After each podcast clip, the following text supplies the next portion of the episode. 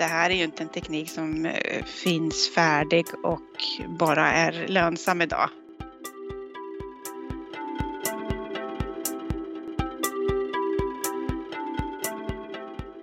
Hej och varmt välkommen till ett specialavsnitt av podden Framtidskraft. För dig som vill ha den snabba sammanfattningen så kommer här nu kortversionen av avsnitt 26 där vi pratar om varför vätgas är så hett just nu. Jag heter Karin Bodén och med mig i samtalet har jag min kollega från Jämtkraft, Jimmy Angevall, och den som är specialisternas specialist på vätgas. Hon heter Cecilia Wallmark och finns på Sweco. Ja, vätgas, det är ju det lättaste grundämnen av alla. Det är eh, lättast kanske att beskriva att det är en av de två gaser som vatten består av. H2O. H2 är ju vätgas. O står ju för syrgas.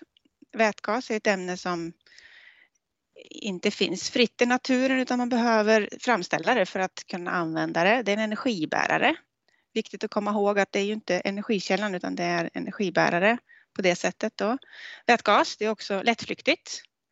Det läcker ut så blandas det direkt med luften och försvinner iväg om eh, det har den möjligheten. Det är också jätteenergirikt. Energi som vi vill använda oss av. Och det som är fantastiskt med vätgas egentligen är ju att man kan omvandla det till el utan att det blir några emissioner. Ja, man har ju sett lite bilder där när, när folk, om man har, kör en sån här bränslecell med vätgas på en bil till exempel, så kan man liksom stå och dricka vatten ur avgasröret. Det verkar ju lite gross men det är ju, det är ju faktiskt inget annat som kommer ur det där avgasröret då. Men då kan ju du berätta lite grann tycker jag om hur, hur pass, om vi tänker på, nu pratar vi om bilar, men varför använder man det i industrin då?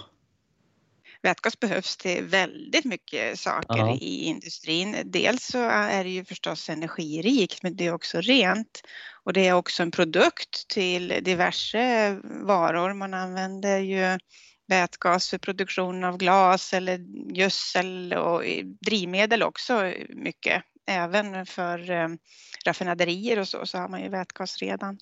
Så man stoppar in den när man tillverkar liksom bensin och diesel och sådär? Ja, ja, ja. precis. precis. Hur ser utmaningarna ut då? Ja, det är ju såklart en utmaning att förstå att det här är ju inte en teknik som eh, finns färdig och bara är lönsam idag. Det, det är eh, kanske den stora utmaningen, att det handlar om att fortfarande om att fortsätta teknisk utveckling, att fortsätta prova det på marknaden, att fortsätta eh, se var det gör bäst nytta och, och inte, inte jobba på de ställena där det finns annat som är bättre. Det finns andra utmaningar, till exempel en stor utmaning är ju att man behöver ha hela värdekedjan som fungerar för att det ska kunna gå att använda i praktiken. Vi kan inte bara ha en, ett land som vill använda bränsleceller i fordon eller en fordonstillverkare som vill använda det. Vi måste få, ska vi använda bränsleceller i till exempel lastbilar, då måste det vara många länder som vill göra det här eller många åkare, många som, som har har en efterfrågan? Jo, för att, Annars blir det väl ingen marknad? Liksom. För att marknaden ska växa, för att bilarna, fordonen ska bli tillräckligt billiga för att man ska tycka att det är värt att sätta upp tankstationerna. Och så behöver det göras i rätt ordning också. Så att det där samarbetet med alla aktörer som behöver på plats, det är ju det är en spännande utmaning. och sen kost, är... kostnaderna, förlåt. Ja, nej, men när vi är i, i vår, i, när det här är i sin linda så att säga, då behöver man nästan knyta ihop ska man säga, någon som vill använda med någon som vill tillverka med någon som ja. vill distribuera ganska ja. tidigt. Ja, absolut. Eh, och det, det är ju någonting vi brottas med här i vår region just nu. Mm. Om det här med vätgasen är något att satsa på. Mm. Eh, ja, vilka vill använda den, vilka kan producera den och hur ska vi få den dit? Och i tillräckligt stora mängder för att få till ett, ett rimligt pris då. För i slutändan blir det ju en prisfråga. Ja, precis. Och fortfarande att det är ju inte fullt ekonomiskt. Det är inte en teknik som är fullt utvecklad så att det måste ju finnas parter som är beredda att lägga mer pengar än vad de får ut av det. Så det är ju mm. såklart också en, en stor utmaning. Vad är drivkrafterna för och vem är det som kommer att satsa på det här? Vad ser ni? Det är ju väldigt stora skillnader skulle jag säga. Om de skulle dra upp de stora användningsområdena så kan man ju säga att industri är ju mm. såklart ett, mm. ett väldigt stort uh, område där det har använts länge men det kommer också ny industri, till exempel stålindustrin som ser att vätgas skulle kunna hjälpa oss att göra någonting som vi inte haft en möjlighet att göra förut. Stål utan kol. Ja, exakt. Det är ju precis ett, ett, det, är det bästa exemplet. Och sen så har vi transportsektorn där drivkraften är eh, emissionsfri transport. Vi har längre och tyngre transporter. Vi har eh, också energiområdet. Vi pratat om energilagring, men lika mycket är ju en, en eh, möjlig faktor med det som kallas för Power to X eller mm. Vad är det? E-bränslen där vi kan använda vätgas för att producera flytande drivmedel eller gas, för annan gas, till exempel metan, power to gas, för att eh, ha bästa möjliga drivmedel. Men om det, om det nu kommer att få den här mm, utvecklingen som vi ser skulle vara möjlig och så, hur kommer det att påverka energibranschen tror du Cecilia? Jag tänker att eh, det är en del av att energibranschen är i förändring. Det, vi ser ju att det är mycket olika större trender som, som händer. Vi ser att det är frågan om vilka aktörer ska göra vad.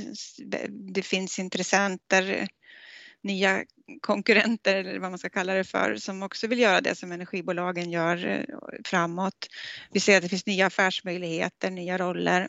Ehm, samtidigt som vi kanske också vill ha nya möjligheter. Har vi större lokala energilager så kan vi ju ha större backupmöjligheter till exempel, prata avbrottssäkerhet och sånt. Jag ser också att, vi ser ju också att det finns en beredskap för att betala mer för eh, renare lösningar. Företag sätter högre och högre krav på, på det man köper. Sen eh, är det ju också en, en trend att Eh, en trend att eh, försöka bygga mer lokala decentraliserade lösningar samtidigt som det ju inte alltid behöver vara mest ekonomiska. Så att allt det här väger ju ihop att eh, det händer förändringar både tekniskt och ekonomiskt och vilka aktörer som är med och krav på, på till exempel beredskapsmöjligheter lokalt. Så det är mycket förändringar på gång samtidigt.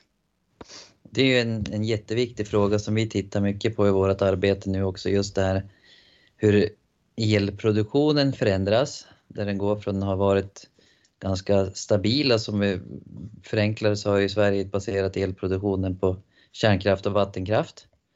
Och så går det mot mer och mer eh, väderberoende, eller med ett finare ord intermittenta energikällor, framförallt vind. Eh, och då då får vi ett pris som går upp och ner och en tillgång som går upp och ner. Eh, och där någonstans tror vi också att både batterier och alltså lagring av el i mm. både batterier och vätgas kan spela en, bli en helt ny roll. Det blir ett nyförvärv man inte visste att man hade på bänken som man slänger in sådär. Och just att man kan erbjuda, man då kan då erbjuda liksom elproduktion med, med i, indirekt i vindkraft men med hjälp av vätgas istället. Mm. Om man nu sitter här nu då och lyssnar på det här och jobbar på ett energibolag. Eh, vad, tänk, vad, ska de, vad tycker du att de ska göra efter att ha hört det här? Jag, jag tycker ju ofta att eh, ett energibolag har nytta av, precis som ni har gjort. Jag tycker det är jätteroligt att höra att ni har tagit hjälp och har med er de aktörer som ni förstår att ni behöver samarbeta med. Det är ju, det är ju en del av det ett energibolag behöver göra. Sen är det klart att man behöver läsa på lite grann så man ser vad, som, vad det finns för teknik och vad det betyder och, och att förstå, överväga och förstå vilka olika möjligheter och varianter det finns framåt så att man inte förbiser det. Och, och förstås tänka på vad betyder det här för oss idag men inte missa då att det kan betyda någonting annat för oss om ett litet tag eftersom mm. förutsättningar, marknad, regler, skatter, allting ändras ju också. Och vi är med mm. och ändrar det. Så mm. det är kanske mitt viktigaste medskick, att förstå att eh, att ge sig in och undersöka och vara med på området, det har också betydelse för hur området ser ut framåt. Det, det är det jag tycker att alla som eh, det är relevant för att ta med sig och som också gör det så spännande att vara med och jobba på. Mm. Tusen tack Cecilia Wallmark för att du var med här i podden Framtidskraft. Tusen tack Jimmy och Karin. Det var jätteroligt att få frågan och det var väldigt roligt att få prata med er den här timmen. Det här var alltså kortversionen av Framtidskraft avsnitt 26 om vätgas. Och blir du sugen på att höra hela resonemanget så vet du att det finns ett längre avsnitt att hämta i de kanaler där du hittar dina poddar. Tack så mycket för att du har lyssnat. Jag hoppas att vi hörs snart igen. Hej då!